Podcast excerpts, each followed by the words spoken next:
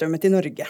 Norsk innvandringspolitikk handler mest om hva vi skal gjøre med flyktningene, hvor strengt nivået skal være for å få asyl eller annet opphold, hva er det som kjennetegner Norges plass i verdens flyktningstrømmer, og hva driver de, de fleste som kommer, og hvordan og hvorfor kommer de hit. Dette ordner vi på tre kvarter, dere. Ikke noe problem i det hele tatt. Egentlig så høres det jo dette ut som en sånn perfekt ingress for et eh, foredrag holdt av Hans Rosling.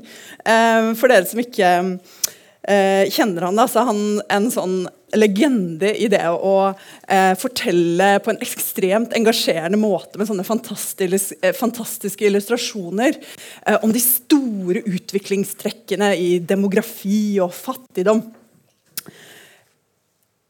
Men jeg må nok skuffe dere. Jeg er ikke noen uh, Hans Rosling-type. Jeg tror ikke jeg vil sitte igjen med det store oversiktsbildet etter disse tre kvarterene. Men jeg skal prøve å gi dere noen små innsikter i noen av de liva som leves av de folka som flykter til Europa nå i disse dager. Så jeg skal forsøke å vise dere litt eh, hva en sånn type forskning som jeg driver med, som ligger litt sånn imellom det ene historien til enkeltmennesket og de store demografiske og de store store utviklingstrekkene i samfunnet. Hva denne typen forskning som ligger litt sånn midt imellom der et sted, eh, kan gi av forståelse for eh, større utviklingstrekk. Men eh, fordi jeg følte jeg skyldte dere det, i tilfelle det var noen av dere som ville veldig gjerne ha noen oversikt, så, så gir jeg dere eh, noen overskrifter. Jeg saksa en eh, faksimile her fra UNHCR. Eh, bare for å Det som kommer til å vise seg for dere på skjermen nå, om kun få øyeblikk, det er at det finnes et anslag på 65 millioner mennesker på flukt i verden. Og 55% av disse kommer fra tre krigsherja land. Syria, Afghanistan og Sør-Sudan. De fleste av disse 65 millioner menneskene som er på flukt, oppholder seg i noen av de tilgrensa landene ved siden av de landene der krigen herjer som verst. For så er det sånn at De fleste afghanske flyktninger land, oppholder seg i land som Pakistan og Iran. Mens de fleste av de menneskene som er fordrevne fra Syria, bor særlig i Tyrkia. Men også mange i Libanon og store, store leire i Jordan. Og Det samme mønsteret kan dere se innad i Afrika. Um, det er 30 av uh, verdens fordrevne mennesker ifølge FN nå befinner seg. Sånn at, bare sånn at det er slått fast før vi begynner, at de fleste menneskene som flykter fra krig, de kommer ikke her til oss. De kommer ikke til Europa. Men det kommer også flyktninger og asylsøkere hit. Som Aftenposten påpekte i denne artikkelen for noen dager siden, så preger migrantkrisen fortsatt Europa. Selv om Norge har de laveste ankomsttallene på 20 år. Så Hvis vi går tilbake til det store spørsmålet om krig og de 65 millioner menneskene på flukt i verden, så kan man jo spørre seg hvem er dette primært en krise for? Og Det er åpenbart en stor utfordring for mange europeiske land eh, som har tatt imot masse flyktninger og asylsøkere de siste årene særlig. Men det er jo viktig å minne sånt opplyst publikum på dere på at um, krisa selvfølgelig først og fremst foregår i de landene der folk frykter fra.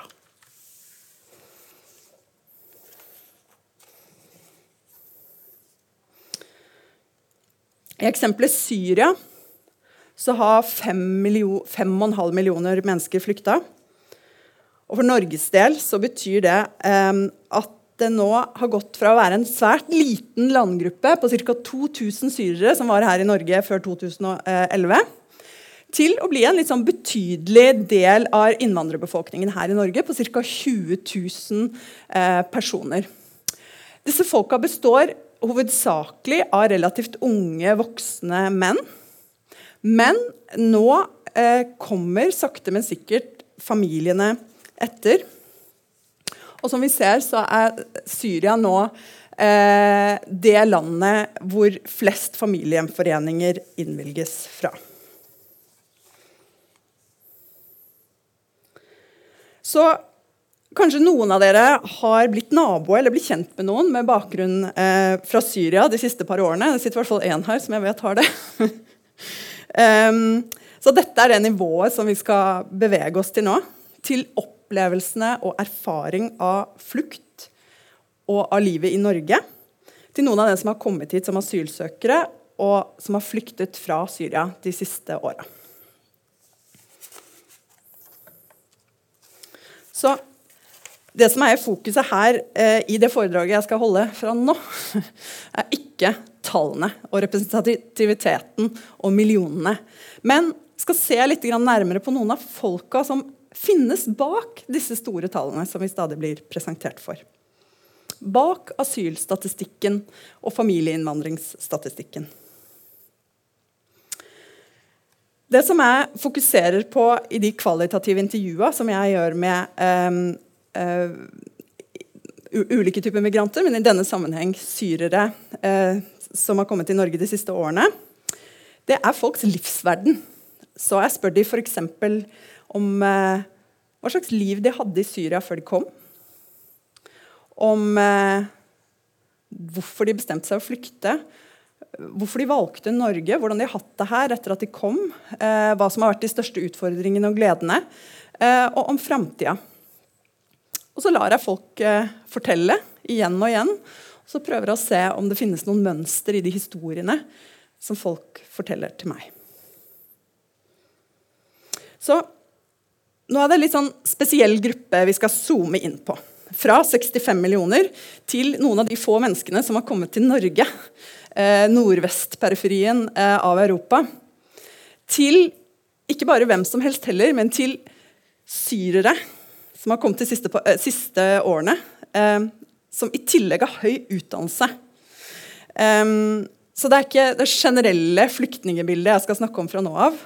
Men gi dere noen innsikter i situasjonen og opplevelsen til noen av de høyt utdanna syrerne som har kommet til Norge de siste årene.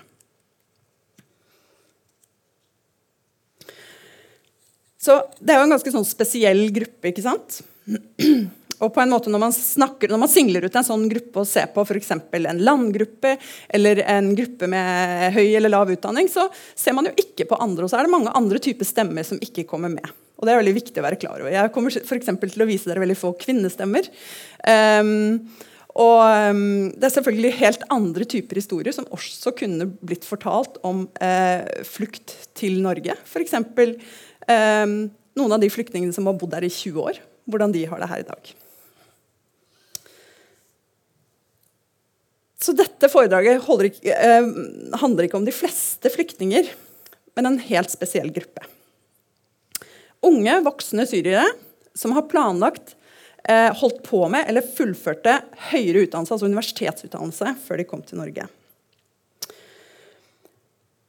Det betyr at, med den syriske bakgrunnen, at de vi intervjua, noen av dem eh, i 2016 satt Eh, fortsatt i asylmottak, de har nå alle sammen fått opphold her i Norge, og de venter ikke lenger på svaret eller frykter deportasjon. Så dette er også folk som nå forsøker å bygge seg opp et liv i Norge. Så jeg skal fortelle dere litt om hvordan de forteller til meg om hvorfor de bestemte seg å reise fra Syria. Hvorfor de bestemte seg å reise videre fra nabolandene som de først kom til og hvordan de egentlig havna i Norge. For mange et ekstremt usannsynlig sted å lande. Og så skal jeg vise dere noen eksempler fra opplevelser av det å, å starte et nytt liv i et så forskjellig samfunn som det man kommer fra. Og avslutte litt om tanker om framtida. Men vi starter med begynnelsen. I alle fall av mitt forskningsprosjekt nemlig beslutningene om å reise. Så her eh, har jeg gitt dere fire forskjellige eksempler. Det er fire forskjellige syriske, relativt eh, unge menn som forteller eh, om sine opplevelser. Om at de ikke kunne reise rundt trygt lenger. Om at folk ble arrestert. Om at de mista framtida si.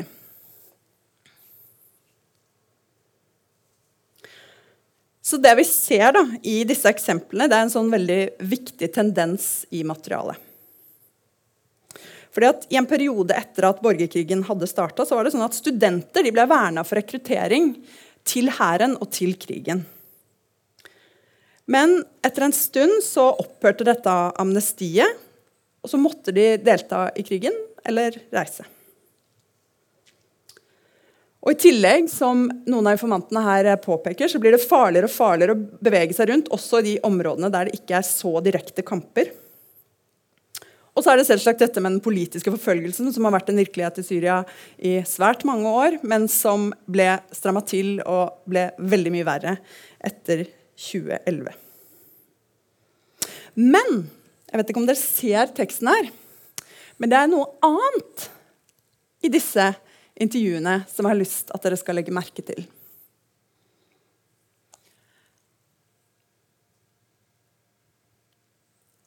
Et annet element ved det å leve i krig.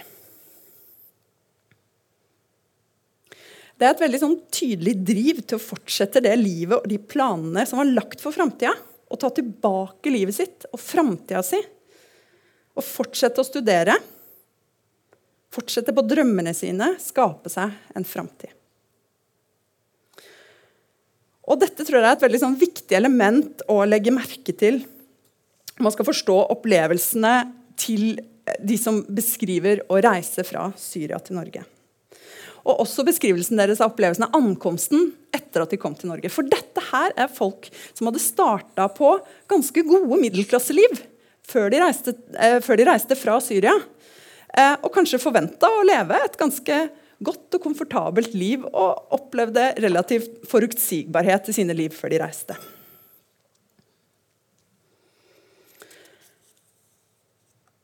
Men hva så etter flukten hadde starta og veien gjennom Europa begynt?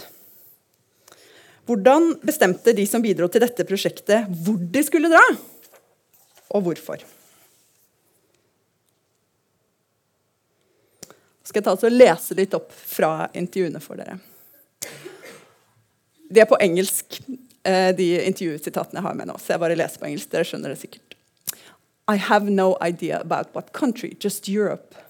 After that, I went to Europe, but I did not choose which city in Europe, just Europe. Some friends in Turkey said, Europe is very good. You can go to Europe and study there. I checked Sweden and Germany. Some friends said Greece.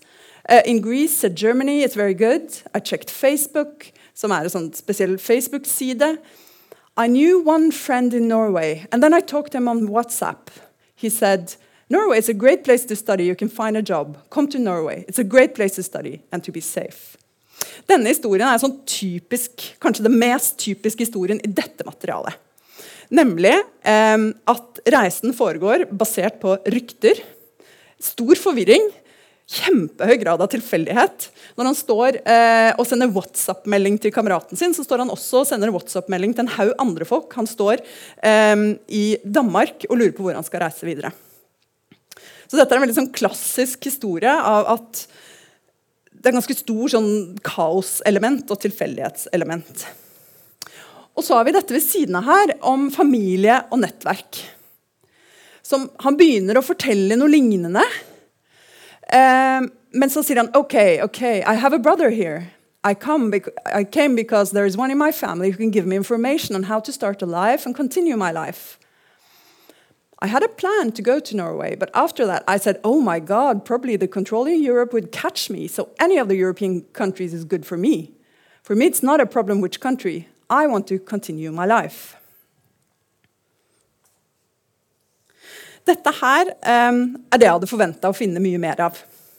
Fordi Migrasjonslitteraturen sier at Eh, måten folk velger hvor de skal reise på, helt generelt, ikke når det gjelder flukt, men helt generelt når folk migrerer, er at hvis de har noen kontakter eller familie eller nettverk et sted, så reiser de dit. De reiser dit de vet at de har et, um, et, um, um, en sammenheng å komme inn i. Den polske migrasjonen til Norge er et sånn typisk eksempel på en veldig sånn sterkt nettverksbasert migrasjon. Men blant de som jeg snakka med fra Syria, så var det veldig få eh, som snakka om å ha kontakter. Og i de tilfellene var det, var det stort sett løse kontakter. Så var en av disse på WhatsApp. Og jeg snakket med han senere igjen, så sa han at han hadde truffet den kameraten sin som han den gangen sendte den WhatsApp-meldingen sin. Så det kan trygt sies å være relativt svake bånd. Men så er det noen som eh, peker seg ut på andre måter, nemlig at de forteller om nøye planlegging og forberedelse. Her er det kaotiske og desperate elementet veldig tona ned. I do not trust the internet and social media. It's true that Norway geographically is small, but it has a strong influence on the world. I studied and traveled a lot, and I know good things about Norway education, health, life standards, human rights, environment. Um, that's what makes Norway better than the rest of the European countries. I know the procedures in Norway are easier than in Germany, and um, I would work after graduation. Job vacancies are more in Norway. That was on my mind. I trust numbers. I see behind the figures and I analyze them. Så dette er et typisk sånn eh, historie som eh, helt sikkert er sann, men som også har noen sånne elementer av å på en måte ville vise at man er en rasjonell aktør inni dette kaotiske systemet. Og det er man selvfølgelig også delvis. Men jeg tror nok ofte at uh, både i media og i debatten så overdrives dette her rasjonelle elementet veldig. da. Uh, og at det er ekstremt stor grad av tilfeldighet og litt sånn uh, kaotiske, uoversiktlige beslutninger som tas når folk um, havner et eller annet sted i Europa. Og så har vi kvoteflyktningene som ikke finner Europa på kartet. De sitter altså i Libanon um, og har fått beskjed om å prøve å søke seg uh, gjennom FN til å bli relokalisert i Europa. We didn't think of moving to Europe, but one of my aunts advised us to apply for the UN. We had Europe, um, we had hoped Syria would get better within two or three years. I never heard about Norway. When the UN said you are approved to Norway, we started lashing ourselves. What is Norway? Where is it? We started checking the map, every part of the map, but we couldn't find Norway. Og dette er nok eh, Norge for eh, veldig mange av menneskene i verden. Eh, et litt sånn sted som er vanskelig å, å finne på kartet. Vi er eh, ikke akkurat verdens sentrum.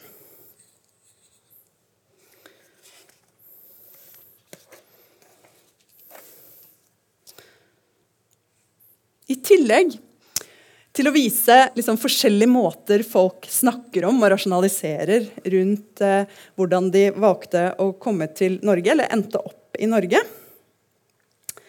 så viser disse eksemplene om måten folk eh, snakker om årsakene sine til å reise eh, fra Syria, og hvordan de havna i Norge, også veldig tydelig dette som antropologen Gassan Haag sier på denne måten. Om alle migranter flyktninger eller andre typer migranter. In a sense, all people who migrate are looking for a space and a life where they feel they are going somewhere, as opposed to nowhere. Han viser at det å migrere har minst to elementer. To typer mobilitet eller bevegelse i seg. På den ene sida har du den rommelige mobiliteten av å bevege seg over en faktisk fysisk landegrense.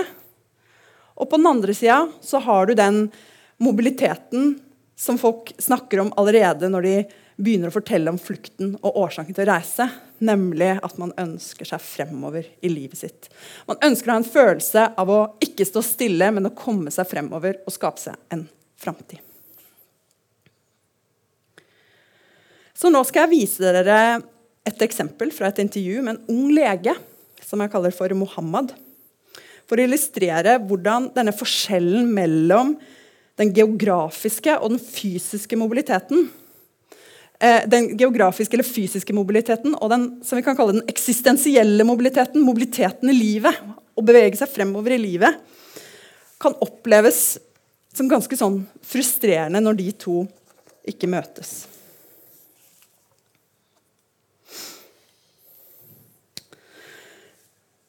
Mohammed var, som, var, en av de som kom over grensepunktet på Storskog i 2015. Jeg treffer ham i en norsk by akkurat to år etter at han har kommet hit, og bare et par uker etter at han har fått asylsøknaden sin antatt eh, og fått opphold i Norge. Han sier følgende om opplevelsen av å komme på norsk jord eller europeisk jord. At the border, I waited for three hours, and then a Norwegian said, You're welcome. It was easy. I was shocked. At that time, you know, I thought heaven's doors were opening for me. Future life. I'm now in Europa. Men den unge legen som jeg traff på den kafeen i den byen rett etter at han hadde fått eh, opphold, virka ikke spesielt positiv. Han virka ikke som han så for seg eh, den eksistensielle mobiliteten, og at den hadde etterfulgt hans um, fysiske mobilitet over grensa. Mohammed sier I've lost everything. I've lost a lot of money, and I lost the girl I love. And you put me in waiting. A long time waiting. I even lost my ambition. I lost my motivation. I lost my everything. You make me a bad person, you know. And they told me, Ah, oh, you got a chance to start a new life. I told them, No, I lost everything. Some people told me, Two years is normal, it's good. I told them, No, it's not normal. You can build a nation. You can build a country in two years. You know, all my friends got married, and now they have two sons. My friends in other places, they finished their master's degree.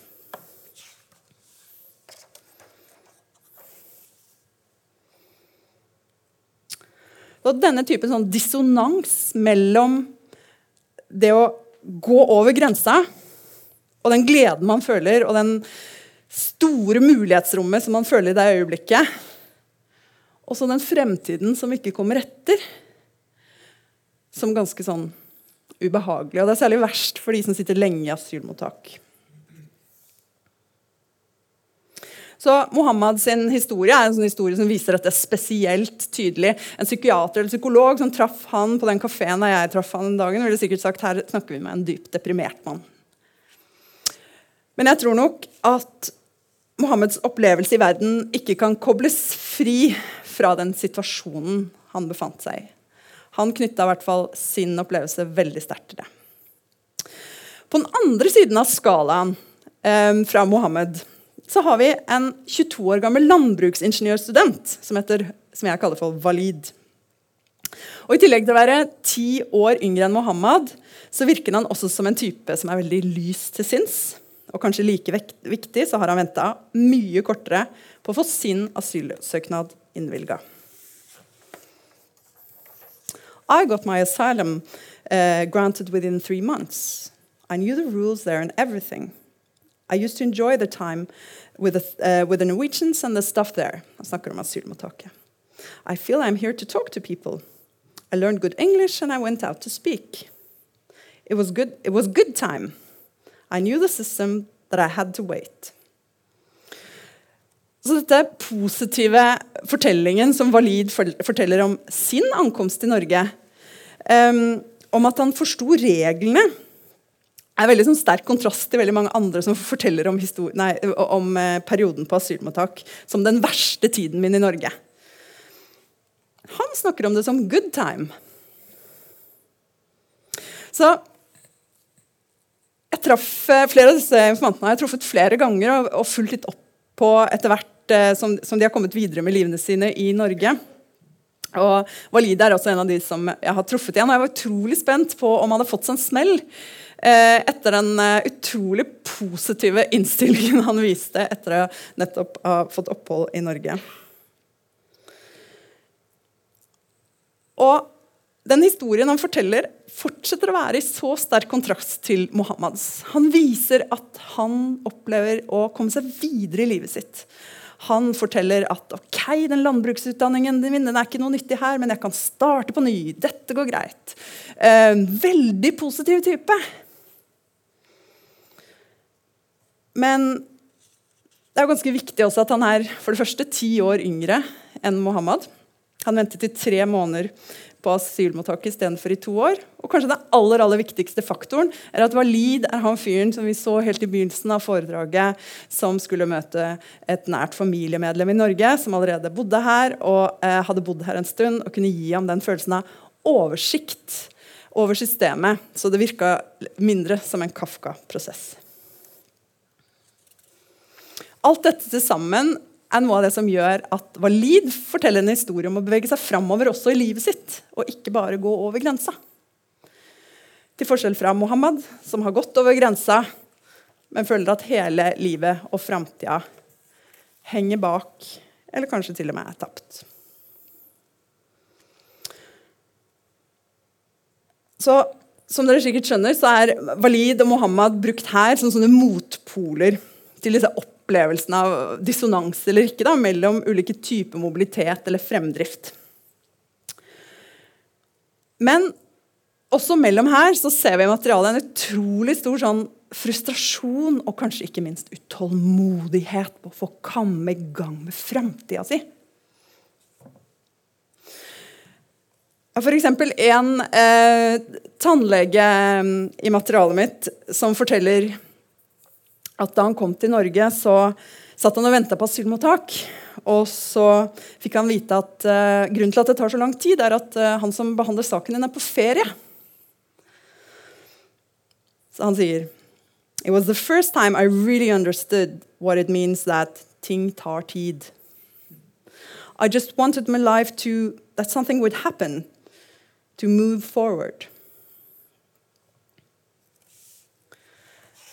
Og denne frustrasjonen, denne tendensen mot en sånn driv og utålmodighet, og at man ikke kan fatte at ikke livet bare kan fortsette, den, eh, og gå litt fortere, den fortsetter etter at asylmottak, eh, as, asylmottaksperioden er over og oppholdet innvilget. Det som av norske myndigheter kalles for integrasjonsperioden. Også her ser vi en ekstrem ekstremt driv mot framtida, en vanvittig utålmodighet i denne gruppa.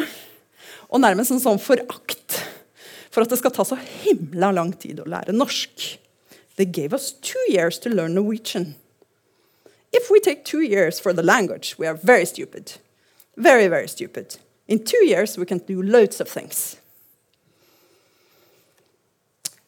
Eller sånn som disse, som er eh, gira på å sette i gang karrieren sin igjen. Eh, eh, henholdsvis Faisal, som er eh, tannlege, og Viktor, som har flere års erfaring eh, som spesialisert ingeniør. I need to work, actually. I'm almost 30 years old now, and it's time to build a life. Enough with being a student and living in a student house. Enough insecurity. It is time to relax, to go home and relax. I want to live normally, not to be a refugee. I want to study, have an apartment, get married. I want a stable life, you see. Og dette er en sånn fortelling som ekstremt mange forteller. Fordi at eh, Når jeg snakker med folk og sier at jeg studerer eh, syriske asylsøkere og, og, flyktninger til Norge, så er det mange som reagerer med å si at eh, ja, det er jo en veldig privilegert gruppe. Eh, og særlig hvis du ser på de høyt kvalifiserte. Dette er jo en gruppe som, eh, som eh, virkelig klarer seg i det norske samfunnet. Problemet for Viktor og for Faisal er at de sammenligner seg jo ikke med de andre asylsøkerne. De sammenligner seg ikke med de andre flyktninger eller andre migranter de sammenligner seg jo med de livene som de allerede hadde starta i Syria. De sammenligner seg med andre folk som jobber som ingeniører eller tannleger i det norske samfunnet.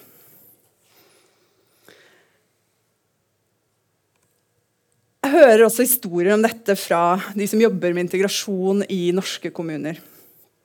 For noen dager siden så snakka jeg med en dame her i Bergen som fortalte at uh, noen av de syrerne som kom i, i 2015 Etter at de hadde fått opphold, så gikk de på absolutt alle språkkafeene som ble arrangert i hele Bergen sentrum. Så de kunne gjerne, I tillegg til det introduksjonsprogrammet som allerede var i gang, eh, så gikk de på en seks-syv språkkafeer. Så det materialet jeg har analysert her, altså ikke det eneste stedet hvor man ser en sånn spesielt driv og ambisjon mot å få komme i gang med framtida si.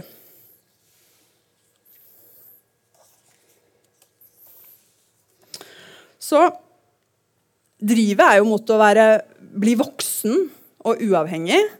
Og det som spesielt ofte er motpolen til det, det er å være avhengig av staten. Å være avhengig av Nav. De blir sett på som det motsatte av voksenlivet. Man vil skaffe seg jobb, man vil stå på egne bein, man vil skaffe seg familie, og man vil ha et normalt voksenliv. Men akkurat hvordan man snakker om disse tingene, avhenger selvsagt ganske mye både av livsfase og av kjønn. Vi har allerede kanskje sett en liten indikasjon på det um, gjennom historiene til Walid og Mohammed. Eh, Walid var bare 22 år gammel. For han var det kanskje ikke så farlig å starte på nytt igjen med en ny utdannelse. Mens for Mohammed, som allerede var kvalifisert lege, og så vennene sine etablere seg utover i Europa eller andre steder i Midtøsten Han var 32 år gammel og følte allerede at han hadde mista den voksne framtida si. At han hadde falt så bakpå. Så disse ti årene her ser ut til å ha ganske mye å si for en del folks livsinnstilling. Og så er det nok også noe med litt sånn um, At det er en sterkere tendens til at disse gutta eller mennene er ekstra opptatt av um, å forsørge seg sjøl, og at det kan oppleves ikke bare som manglende autonomi eller uavhengighet, men også litt sånn lite maskulint å skulle være avhengig av staten uh, og få penger fra Nav. Uh, og at det er en viktig kanskje enda viktigere del eh, av det maskulinitetsidealet. Da. Eh, å eh, skaffe seg en jobb og stå på egne bein, så man kan få seg sin egen familie.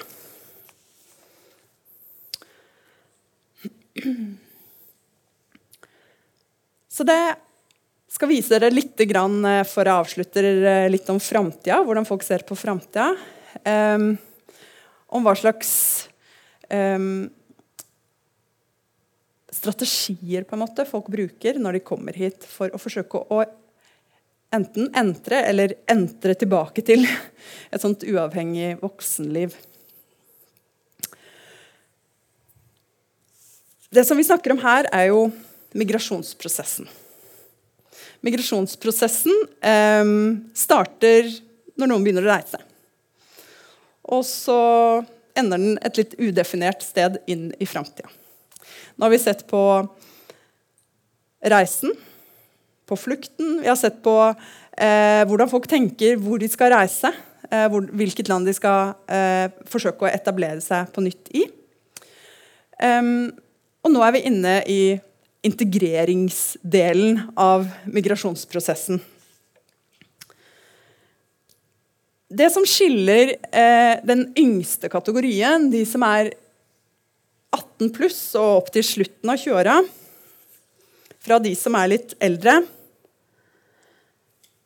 det er at de har en større tendens til å si OK, jeg har starta på en høyere utdannelse i mitt hjemland, som f.eks. Jamal her, som eh, studerte juss og historie før han reiste som sier at if I study five years or more, I would feel a bit I don't like that.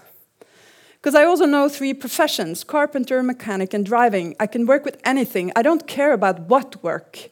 All I care about is to earn money, anything better than asking from Nav. Sånn at Det er to forskjellige måter måte, å oppnå denne autonomien og dette voksenlivet på blant disse yngre. Og Det ene er å si OK, som, den yngste, nei, som det nederste eh, eksempelet her, Amina, sier at greit, selv om jeg må bli 50 år før jeg er ferdig, så vil jeg begynne på universitetet i Norge igjen. For, for, for meg er det så innmari viktig eh, for å kunne realisere meg selv. Mens ganske mange sier at ok, jeg har en starta på en utdannelse i mitt hjemland og kanskje nesten fullført, men hvis jeg blir satt tilbake igjen til videregående skole og ikke får begynne på universitetet, så føler jeg at jeg går så langt bak i min eksistensielle mobilitet at det oppleves som litt uholdbart. Fordi den der punktet der fremme, den fremtiden der jeg kan forsørge meg sjøl og starte min egen familie og virkelig gå inn i voksenlivet det fremstår da som så innmari langt fremme.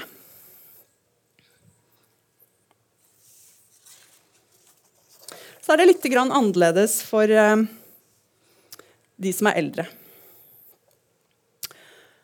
Kanskje ikke minst fordi at eh, blant disse så er det veldig mange som står med papirer i hånda. Nå er det ikke bare bare å få godkjent disse papirene i Norge, og spesielt ikke hvis du har en helseutdannelse. Eh, så det er ikke nødvendigvis sikkert at du kan få brukt det. Men en god del får brukt det, og en god del trenger kanskje bare noe tilleggsutdannelse. Det en god del opplever, er at eh, selv om de får godkjennelsen fra norske myndigheter på en bachelorgrad eller på en mastergrad, eh, så er det kanskje ikke sånn at norske arbeidsgivere eh, i like stor grad setter sin godkjentstempel på deres søknader. F.eks. sier Viktor, som er ingeniør og holder på med en ny mastergrad på NHH Nei, på hva heter det? Um, I Trondheim. Um, NTNU. At actually for me the most important thing was to work. But I wouldn't work without Norwegian papers. Without degree from Norway. Because they do not trust other certificates. Så denne strategien går for de fleste ut på å forsøke å komme tilbake igjen til der de var før de reiste. Få yrket sitt eller studiet sitt tilbake. Og de, denne litt eldre gruppa som har papirene i hånden før de kommer, de bruker typisk strategien å, gjen, å etablere eh, livet sitt igjen ved å gjenoppta tråden og starte eh, på en liten del av en ny utdannelse eller på en eller annen måte forsøke å etablere et lignende liv av det de hadde. De som var yngre og kanskje hadde avbrutt utdannelse, i denne gruppa er det ganske mange, ikke alle, men ganske mange, som ser det som en litt lang horisont og skulle i mange tilfeller tilbake igjen på videregående skole før de kan starte på universitetet.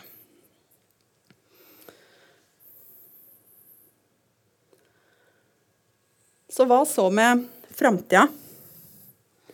Dette er en av de eh, mange, mange mange bildene og videoene som eksisterer der ute av eh, ulike byer i Syria før og etter 2011.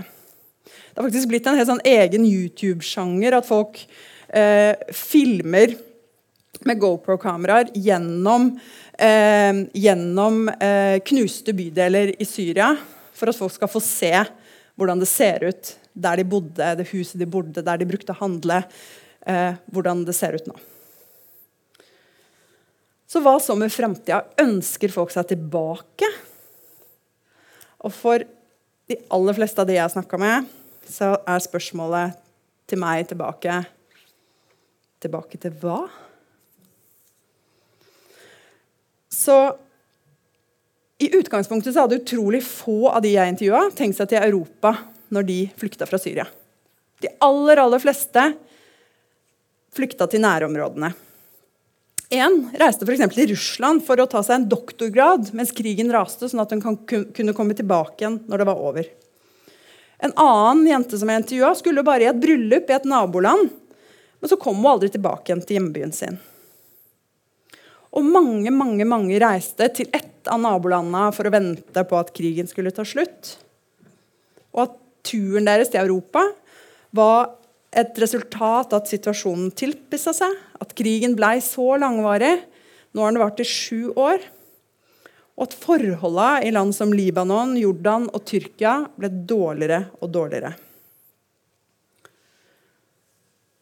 Så fokuset, i alle fall blant de syrerne med fluktbakgrunn som har bidratt med intervjuer og perspektiver til dette forskningsprosjektet, som jeg rapporterer fra her For dem er det harde arbeidet og utholdenheten for å skaffe seg et normalt liv og en følelse av også eksistensiell mobilitet det som løftes frem som det aller viktigste og det aller vanskeligste etter å ha fått beskyttelse i et trygt land. Som Walid sa når han snakka om flukten til Norge For me, it's no problem which country. I just want to continue my life. Takk for meg.